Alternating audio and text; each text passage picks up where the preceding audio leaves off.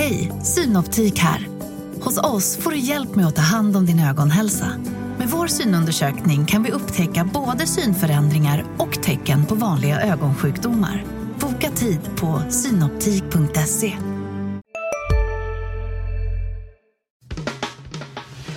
Analyspodden från Dagens Industri.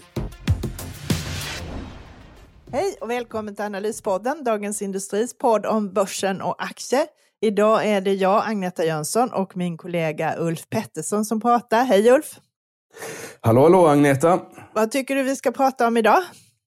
Ja, vi kan väl prata om eh, eh, Riksbankens beslut eh, igår, torsdag. Eh, vi spelar in det här på fredagen, måste vi prata om. Och sen så har vi ju lite covid-stängningar i Kina som vi kan prata om. Vi har nya eh, skatter vad det gäller eh, sparandet och ISK. Och Intrum faller på börsen här och lite, eh, lite vad det är som har dragit på börsen. Det är ju lite, lite ska vi säga, tillväxtaktierally igen och sådär. Och sen så blir det väl ett par case och lite vad som händer i nästa vecka kanske. Det är ju ganska mycket på nästa veckas agenda eftersom det är månadsskifte.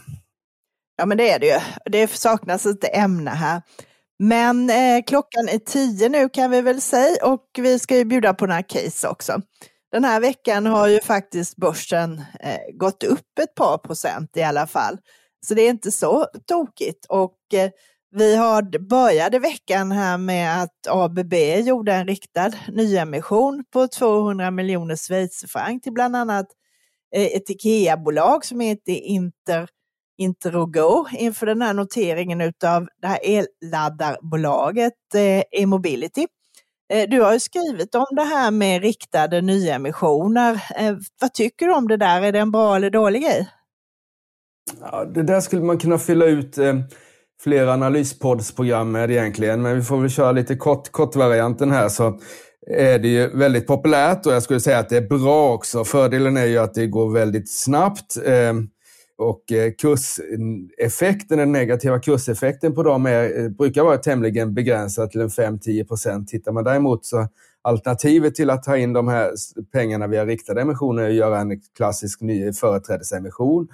Men det är ju ett betydligt längre förlopp och brukar påverka kurserna mer då för du måste sätta, sätta teckningskursen med lite rabatt mot, mot aktiekursen för att ha lite hängsle så den inte går under eh, eh teckningskursen där. Så då åtminstone eh, sista tiden så har det haft större press på aktiekurserna riktade. Sen är det ju, finns det ju den här, eh, den här ska vi säga, eh, principen då att om man är aktieägare kanske man vill ha möjlighet att köpa nya aktier och att det inte kommer in nya aktieägare som får köpa till lite rabatt och sådär. Så, men marknaden, vi började väl jag skulle säga att 2010 ungefär så, så vet jag att, att det började komma upp det här och det har blivit jättevanligt och ännu mer vanligare än företrädesemission. Om man inte gör jättestora belopp ska man liksom ta in lika mycket som börsvärdet är eller sådär. Då får man ju exempelvis Securitas gjorde en stor emission. Eh, då, då blir det ju företrädesemissioner. Men om man max, max 10% av eh, 10% nya aktier, då brukar det vara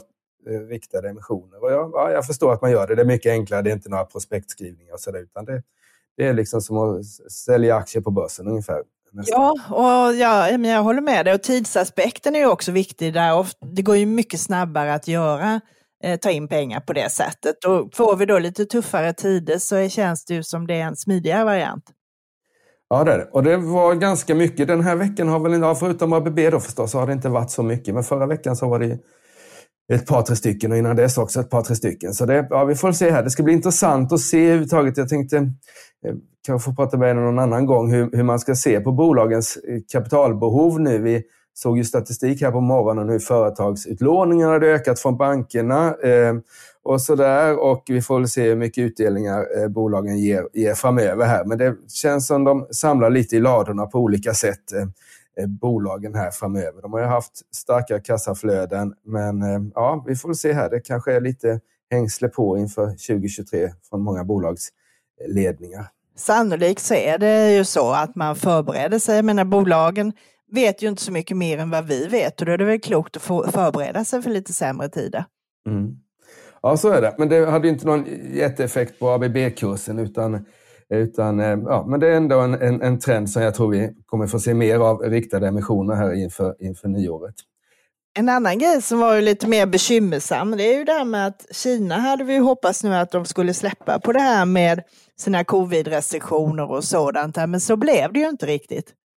Nej, det var ju så. Vi hade det här, den stora partikongressen och sådär. Och man, det kom liksom uppgifter om att, att man skulle liksom ha ett annat man sänkte väl hur många dagar man får, måste vara inlåst när man har covid och sådär. Men, men så dök det upp ett, ett dödsfall igen och då är det nedstängningar. Och, och jag menar, det är nästan som vi har glömt bort eh, när man är ute på stan och träffar folk och sådär. Det är liksom lite som, som det var förr i tiden, man sitter nära varandra och pratar och sådär. Men Kina är en annan, en annan eh, fortsätter de här covid-nedstängningarna. Och det är ju ett problem. Det är ett problem eftersom vi fortfarande har väldigt stor handel med Kina och det är ett problem eftersom det sänker den kinesiska tillväxten och där blir väl lite en... Men än så länge så anser ju eh, åtminstone den kinesiska regimen att man har råd att göra de här eh, covid-nedstängningarna. Eh, men det är klart att det tar ju på, på, på ekonomin, gör det. Men och anledningen att de håller på så är väl att de är betydligt mindre vaccinerade, eller färre vaccinerade i, i Kina än vad man är i Västeuropa och de har väl inte riktigt haft samma, samma, samma effektiva vaccin som vi har haft heller, utan att man inte litar på dem riktigt. Nej, det är ju så, men det är ett minustecken. Alltså ett plustecken däremot var att i onsdag så började man, så släpptes ju det här Fed-protokollet, men man började också prata om flera av de här ledamöterna var inne på att det kanske nu att man kommer börja sänka takten på räntehöjningar framöver. Bland annat fick de ett sånt där Richmonds Feds index visade på avmattning i tillväxtindustrin och då blev det lite fart på tillväxtaktierna faktiskt. Eh, och det fick vi se här också att det började rycka i en del eh, tillväxtbolag här. Eh, dels så började de här stora investmentbankerna Goldman Sachs och Morgan Stanley höja sina riktkurser för Sinch Eh, som har varit väldigt volatil. Nu lägger de sina kurser ganska nära där aktiekursen faktiskt är nu, eh, runt 35 kronor här. Men det, man ser man börjar, de börjar springa efter på det här nu. Eh, och sedan fick vi lite fart på Kinnevik också som gick upp över 4 procent. Det är ju också en sån där kanske som har fått väldigt mycket stryk eftersom deras portfölj är mycket onoterade tillväxtbolag nu. Så det är väl lite ljuspunkter faktiskt att man börjar se börjar se slutet och, eh, på den här räntehöjningscykeln. Ja, och det påverkade även fastighetsaktierna här i positiv riktning när vi hade Riksbanksbeskedet och, det, och vi såg, jag tror att inte det var bara det som drev upp eh, fastighetsaktierna lite i veckan också, utan vi hade eh, överhuvudtaget starka fastighetsaktier i Europa då till följd av att räntorna gick ner även i Europa. Så det, Ja, det, jo, så är det. Så är det. Och det, är ju, det är ju då, om räntan kommer ner så är det ju tillväxtaktier man ska ha eftersom eh, nuvärdet av deras stora framtida vinster då, som man beräknar blir mer värda idag när, räntan, när diskonteringsräntan går ner. Eh, och fastighetsbolagen stiger eftersom eh, räntekostnaden är en stor, en stor kostnadspost för dem som då också minskar. Så ja, vi får se här. Det är möjligt att vi får se toppen. Tar man eh, annars har det varit så här från, från centralbanken att de har liksom pressmeddelandena och, och, och ska vi säga, eh, deras eh, protokoll har varit, har varit så att säga börsstimulerande och sen så när då eh, Rand Powell ska ha liksom satt ord på de här pressmeddelandena så har det blivit nedgångar istället för han liksom lämnar lite det skrivna ordet och börjar prata om om att, att vi inte ska liksom ropa hej igen. Så vi får väl se lite vad, vad, hur reaktionerna blir och vad det blir för typ av räntehöjning i december här från Fed. Men det kanske blir 50 punkter så att man så att säga minskar ökningstakten en del. Då. Det var ju 75 de höjde med senast. Eh, det ligger väl nästan lite i korten. Jag tror att man har ju höjt så väldigt mycket nu så man behöver väl dra ner tempot lite för att se, på, se effekterna på ekonomin. Det har ju faktiskt kylts av ganska rejält egentligen. Ja, så det, det är spännande och det tror jag det tror jag kommer vara en avgörande faktor för, för börsen här fram till årsskiftet, hur, hur ränteutvecklingen blir. Visst gör det så. Vi, Riksbanken behöver inte säga så mycket om det skrevs ju spaltmeter om det igår. Men ett tillägg till det där. Dels tycker jag det här att Ingves sa faktiskt att det är stor osäkerhet om inflationen och därför måste man ta även deras prognoser och deras räntebana med en liten nypa salt där. Så att man ska inte gå för mycket på det där för det kan ändra sig. Och en annan grej som inte riktigt pratades om det är ju faktiskt det här att de slutar köpa obligationer vid årsskiftet. Och Riksbanken har ju till skillnad mot Fed och de andra också mycket kortare löptider i sin eh, sån här obligationsportfölj som de har köpt, vilket gör också att det här ger effekt och det ger också en åtstramande effekt på marknaden och det kan också påverka då behovet av räntehöjningar framöver. Det tycker jag också man ska ta med sig. Ja, det, och det är ju lite nytt. Så, så stora... Alltså man, man, man tillsköt ju pengar då mycket när man köpte alla dessa obligationer och sen så nu ska man då minska. Jag tror det är med... Jag såg tabellen här, det var väl, de ägde eh, obligationer, olika typer av obligationer för 800 miljarder och det ska ner till 400 miljarder här på ett par års sikt och det är i stort sett 200 miljarder som, som minskas per år här. Och vi vet ju inte riktigt hur marknaden kommer ta emot det där, när, eh, vad som händer med, med den ökade likviditeten och, och, och, och sådär. Så eh, ja, vi får se vilka, om det finns någon, någon tagare av de där obligationerna eller om man är tvungen att höja, höja priserna därför. Precis, och det, ju, det är ju det som har varit ett stort bekymmer, att det har varit få tagare av framförallt företagsobligationer nu. Det är ju lite liksom roten till fastighetsbolagens problem just nu. Ja, så är det. Nej, så det, det blir något att, att, att, att, se eh, så att säga, eh, effekten på det där på räntorna. Det är klart att, att det kan ju göra att Riksbanken inte, eftersom, inte höjer så mycket som man... Vi får se här. Jag tror att alla är väldigt osäkra. Jag tror att, men något som jag Räkna med, nu, nu sa väl du sa väl eh, Ingves också att han inte skulle sänka någon ränta. Han skulle höja då eh, 0,25 eller möjligtvis 0,50 var planen här i början av nästa år. Sen skulle den ligga still egentligen fram till 2025 med eh, styrräntan. Och vi får väl se här hur det, hur det blir då. Jag tror att man, även om inflationen skulle komma ner, så tror jag inte man väljer att sänka räntan om det inte blir riktigt svag ekonomi och riktigt svag inflation. så att säga. Jag tror att man har man legat så mycket efter som man har gjort i, i ett par år egentligen så vill man nog inte hamna där igen direkt. Utan jag tror att man kommer vara... Ja, jag tror det ska mycket till innan man sänker en ränta helt enkelt. Däremot så kan ju räntehöjningarna ta slut ganska snabbt. Men däremot som sagt så kan det faktiskt räcka, för börsens vidkommande så kan det ju faktiskt räcka med det att det börjar plana ut nu att styr eller räntan stannar där någonstans runt 2,75 och sen händer det inte mycket mer på ett bra tag. Och då kan man ju räkna och, och ränte, räntemarginalen kommer ju pressas lite. Räntemarginalen är ju högre när, när styrräntan är låg och så blir den lite lägre när styr, styrräntan är högre. Då. Så som, som, som, som, som bolånekund får man väl räkna med 4-4,5 procent om man är en genomsnittskund och ganska lika över hela löptiden. Eller vad, vad är din spaning egentligen? Att korta räntor och långa räntor kommer vara väldigt nära varandra i framtiden. Det, det blir det ju. Det brukar, om, om skolboken börjar fungera igen så kommer det ju att räntekurvan att bli flackare när vi kommer in i en lågkonjunktur. Så att. Då brukar ju de här löptiderna närma sig varandra. Så det är ju mycket sannolikt. Sen hände faktiskt en annan grej igår också. Det var att Riksgälden fastställde den här statslåneräntan då per 30 november som används då för att bestämma hur stor ISK-skatten ska vara, eller rättare sagt den här schablonintäkten som man räknar ut skatten på. Och statslåneräntan blir då 1,94 procent och sen lägger man på en procentenhet på det då enligt den här formen och då får du ett schablonintäkt som blir då 2,94 procent som man använder då och multiplicera med sin portfölj. Och på det sen får man då, ska man betala skatt på 30 procent. Så kontentan av det här blir att skatten på ISK blir 0,88 procent eh, för i år mot eh, 0,375 förra året. Så det är ju faktiskt mer än en dubbling. Och det är ju inte så kul när man dessutom kanske då har gått back på sina portföljer.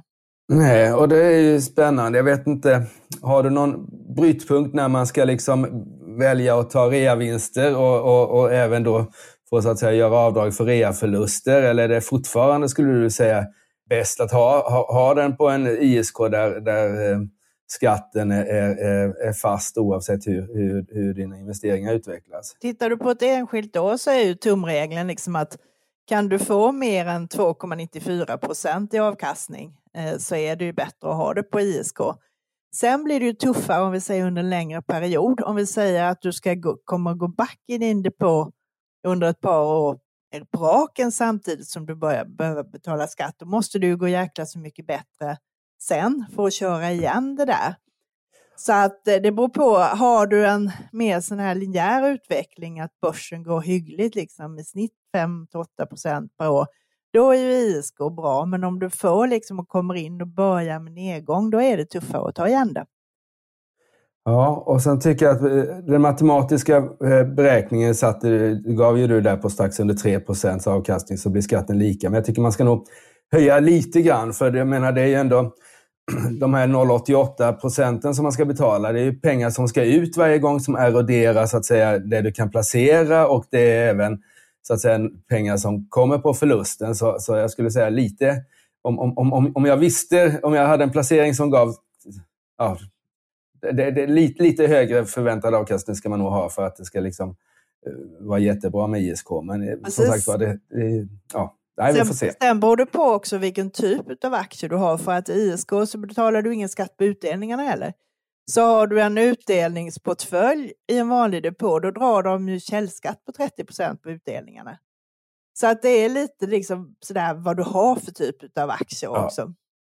Mm. Men, det, är bra att känna till. det är bra att känna till i alla fall. Och eh, jag skulle väl säga att är man en aktivt placerad kanske man ska köra bägge två. Att vissa grejer kör du så du kan eh, kvitta vinster mot förluster och eh, andra kanske du har långsiktigt i ISK. Liksom. Precis, det är bra. Jaha, vi brukar ha lite, lite case med oss också eh, för eh, nu för tiden när vi kör vår analyspodd. Har du något att delge våra lyssnare, Agneta? Ja, det har jag. Men först tänkte vi skulle prata om en grej som faktiskt eh, går ner riktigt mycket på börsen idag. Kan du lista ut vad det är? Ja, det måste väl vara Intrum om det inte har hänt något alldeles särskilt de här tio minuterna vi har pratat. Men Intrum var ner 16 procent när jag tittade här vid tio tiden. Ja, och det är de faktiskt fortfarande. Det som händer där är att de eh, skickade ut ett eh, pressmeddelande här som Nyhetsbyrån direkt refererade här klockan sex i morse. Och det de gör är att, om ni kommer ihåg så har ju Intrum ett stort eh, samarbete i Italien med den italienska banken Intesa San Paolo.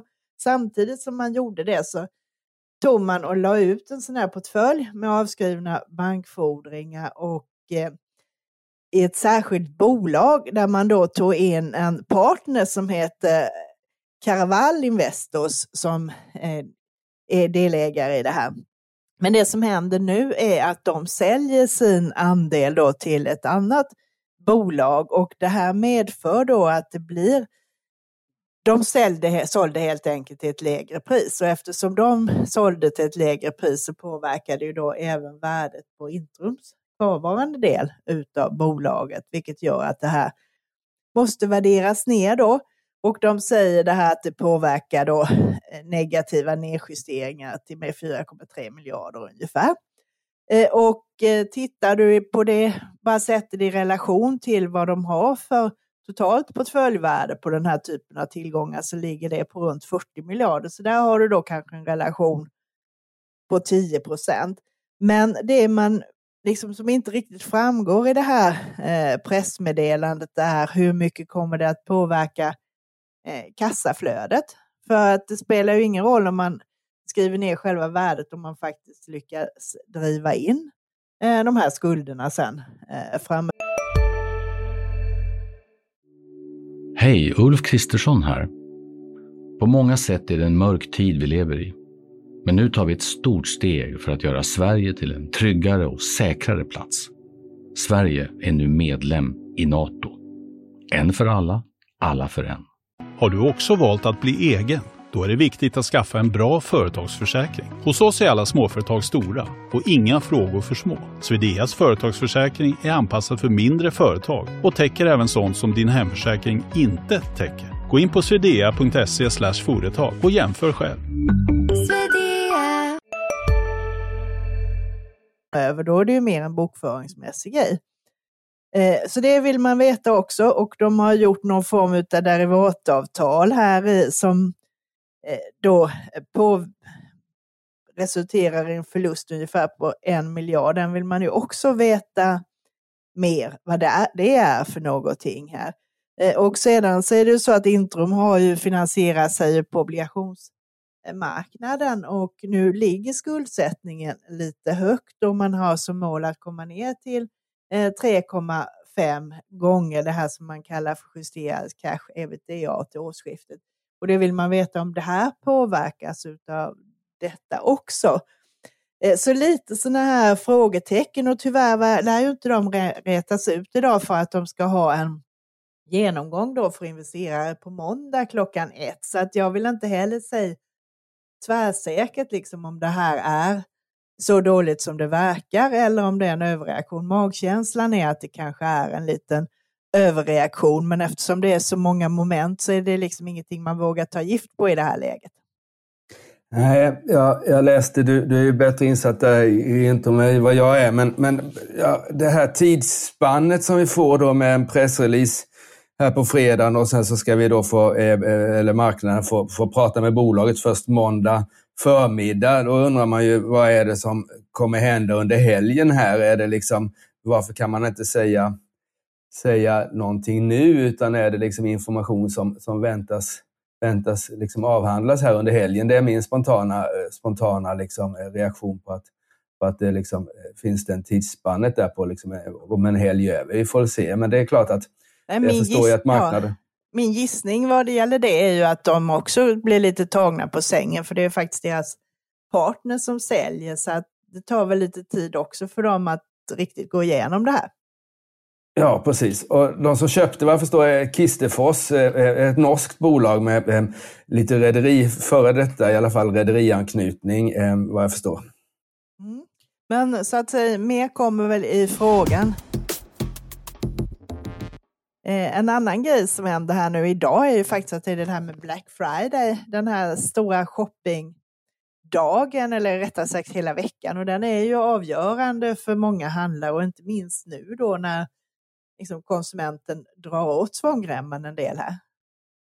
Ja, eh, och där får vi väl se. Jag skulle säga att många handlare är nog glada att, att det här med Black, Black Friday, och, som har blivit Black Week, har uppfunnits. För det satt ju de satt med ganska höga lager i, i Q3-rapporterna, mycket av detaljhandelsbolagen. Och där finns det väl ett tillfälle att försöka rea ut det här innan julförsäljningen börjar. Och så får vi väl se hur det, hur det utvecklas eh, eh, mm, eh, egentligen. Men det har ju blivit en allt viktigare, viktigare helg. Och, eh, eh ja, vi får se. Det, det kan ju, som privatperson kan man göra fynd där, men man får se också vad man vad det är för grejer som, som saluförs. Det är ju inte, det kanske inte är det nyaste fräschaste de sätter riktigt röda prislappar på, utan det är, är lagerrensning på riktigt och denna gång är lagerrensningen extra viktig då.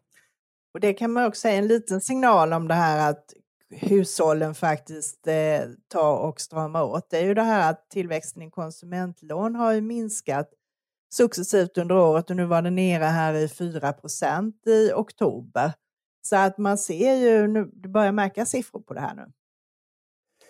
Ja, och ställer man det då till inflationen som var 9,3 procent så, så, så är ju det faktiskt en rejäl åtdragnings, eh, åtstramning som, som, eh, som privatpersonerna har gjort här sista tiden. Vi släpper det nu. Nu, nu, nu kan vi ta krisen då.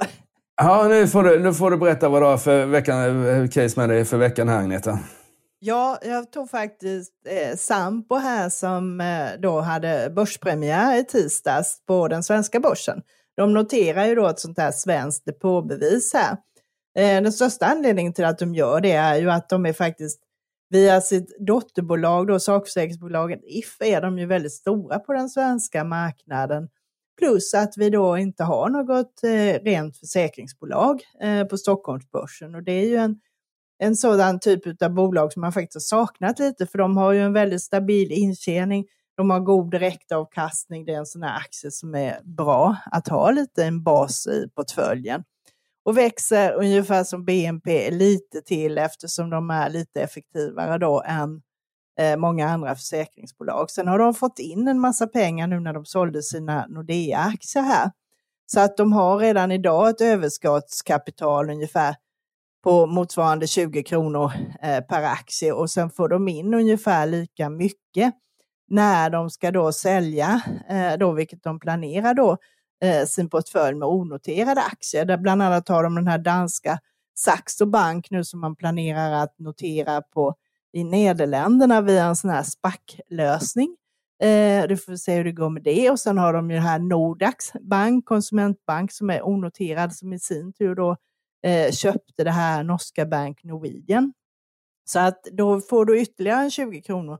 Och tittar man på det här då, för, så blir det ungefär 44 kronor per aktie, vilket skulle då motsvara 8 procent i då, om man gör det som direktavkastning eller om man väljer att göra återköp.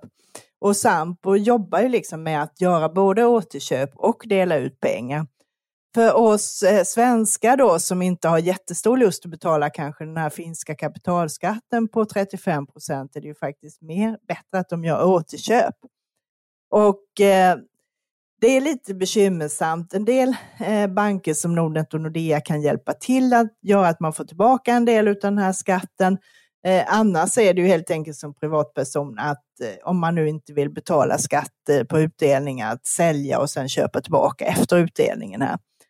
Eh, så att det finns en, ja, jag tycker att det är en, eh, vad heter det, en, liksom en bra basinvestering. Det är ingen sån här Eh, tillväxtraket, men det tickar på och ger en del, eh, vad heter det, direktavkastning, så lite sådär mellanting mellan aktie och obligation i portföljen. Och sen gynnas de lite nu kortsiktigt av att de har en korta löptider då i sin tillgångsportfölj som består till stor del av obligationer, vilket har gett lite extra drag nu när räntorna har fallit här och det kan väl hålla sig i sig lite till här. Har du med dig något eh, case idag då? Ja, jag har med mig något som inte, som inte kommer dela ut pengar eh, eh framöver, men de delade ut å andra sidan riktigt mycket pengar eh, eh, här i somras då när det är Orrön som är gamla Lundin Energy eh, som bytte namn till Orrön när de sålde alla sina olje, oljetillgångar till Aker BP här och eh, de delade ut, ja det blev totalt 130 miljarder kronor eller något sånt där. Så det är liksom ett nystart av bolaget kan man säga. Det är ju börsvärdet är 8 miljarder och består då av vattenkraft i Norge och vindkraft i Sverige och Finland. Eh, och eh, lite pengar på det då. kommer rapport idag, eh, backa ett par tre procent, annars har det ju varit en riktig sån här hårsaktie. Den kom in väldigt, väldigt billigt faktiskt. Alltså eget kapital är 4 miljarder idag.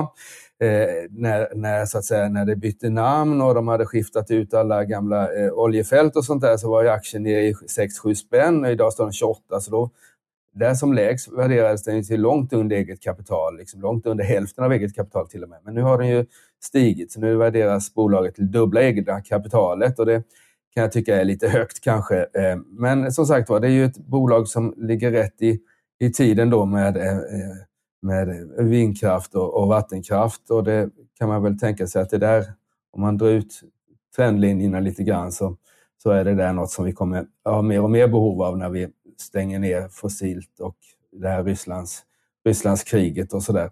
Eh, det finns också, det får man väl liksom ha, ha, lite ögonen på då, det är inte bara eh, spännande tillgångar i åren eh, utan det finns också eh, en, en, en, rättsprocess som, som de driver, då, det här folkrättsbrottet som, som åklagaren påstår att företrädare för Åbön alltså gamla Lund, ja det går ju långt tillbaka egentligen, men eh, ja, Lundin, eh, Lundin Energy hade. Och där finns då krav på bolaget på 1,3 miljarder. Är det. det var 3,2 ett tag, men nu är det 1,3 miljarder som finns krav på. Det är klart att skulle det gå emot dem där då så ska det ut 1,3 miljarder och det är ganska mycket för det bolaget. Men det, det lär väl inte hända i brådrasket. Dels vet vi inte alls hur rättsprocesserna går och sen så är det ju liksom, ska det ju bara börja i tingsrätten och det kommer väl vevas vidare till alla, alla instanser som finns om, om det skulle gå bolaget emot.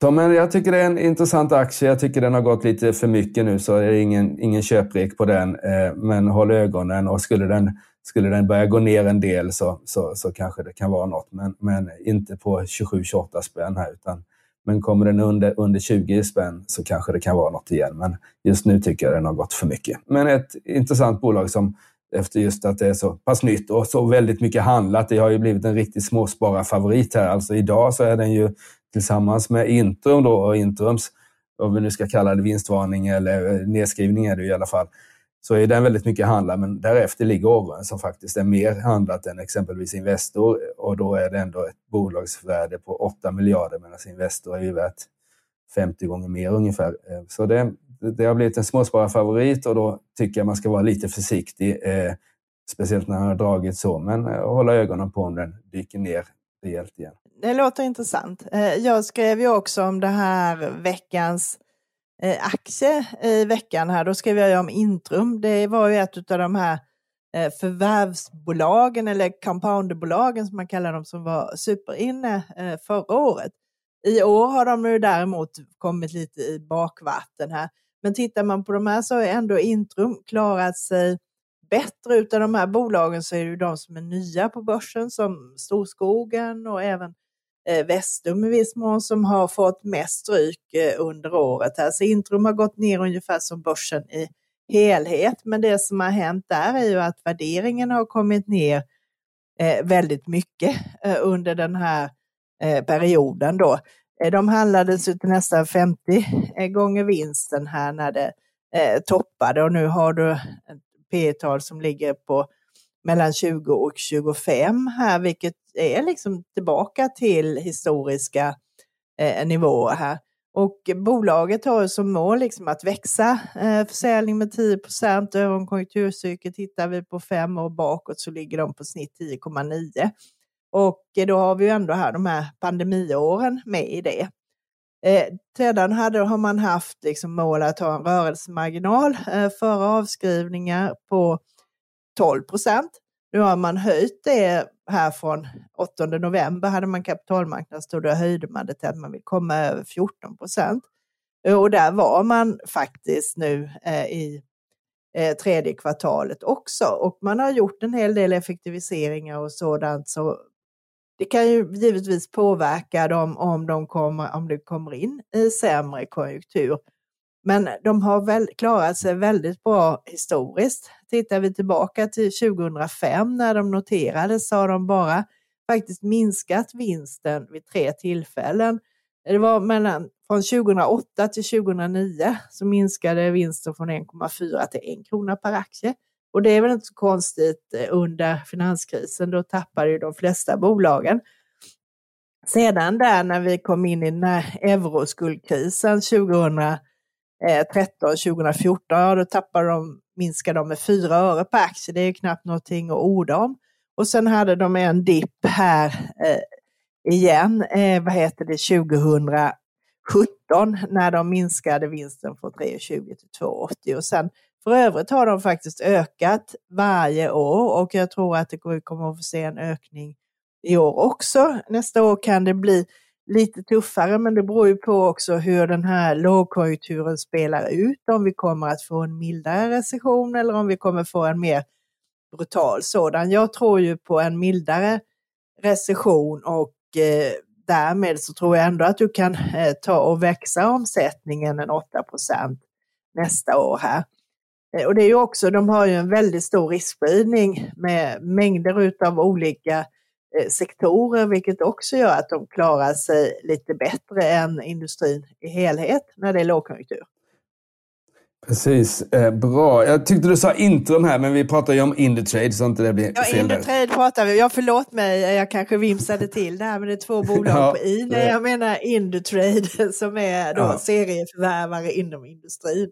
Så det tycker jag är en aktie som, som jag skrev att man kan plocka upp på dåliga dagar så att säga, för den har gått bra under oktober här, men vi kommer säkert att få se smällar igen. Men även på de här nivåerna runt 220 finns det en uppsida.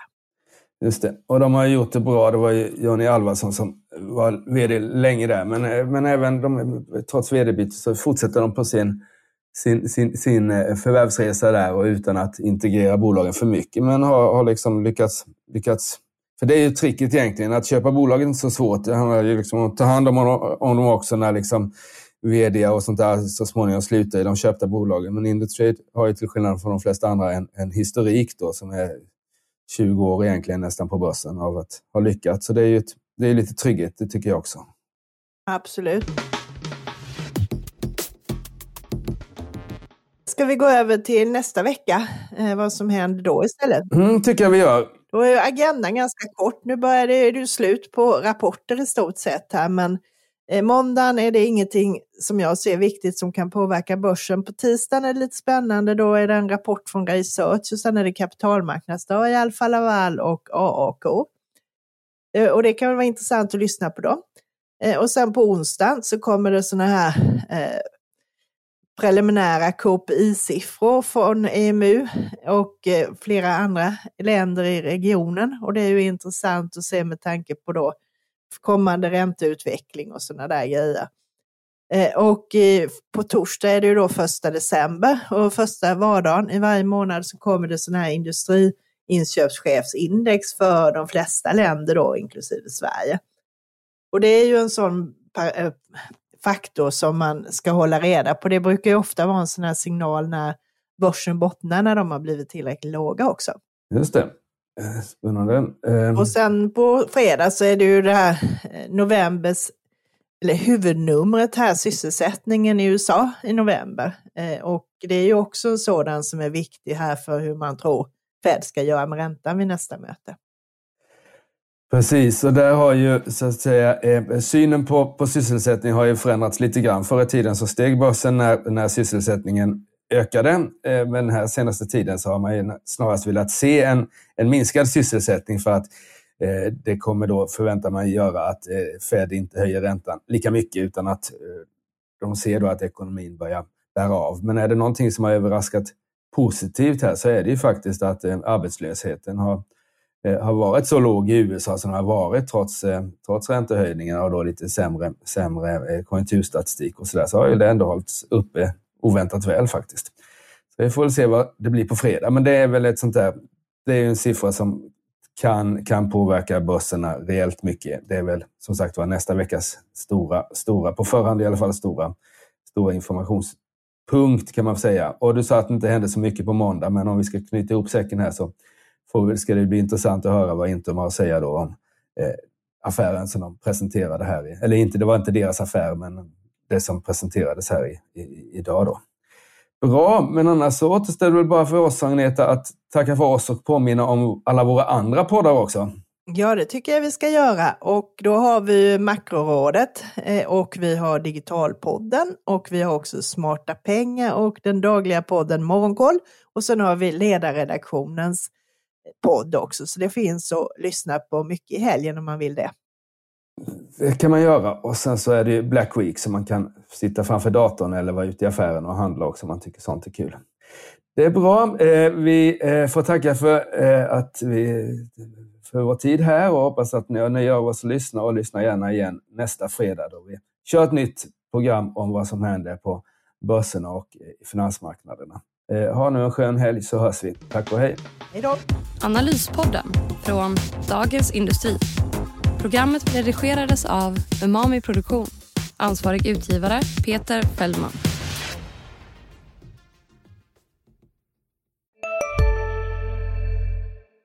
Hej, Susanne Axel här. När du gör som jag och listar dig på en av Krys vårdcentraler får du en fast läkarkontakt som kan din sjukdomshistoria. Du får träffa erfarna specialister, tillgång till lättakuten och så kan du chatta med vårdpersonalen. Så gör ditt viktigaste val idag, lista dig hos Kry. Ni är med om det största. Och det största är den minsta. Ni minns de första ögonblicken. Och den där blicken gör er starkare. Så starka att ni är ömtåliga. Men hittar trygghet i Sveriges populäraste barnförsäkring. Trygg Hansa. Trygghet för livet.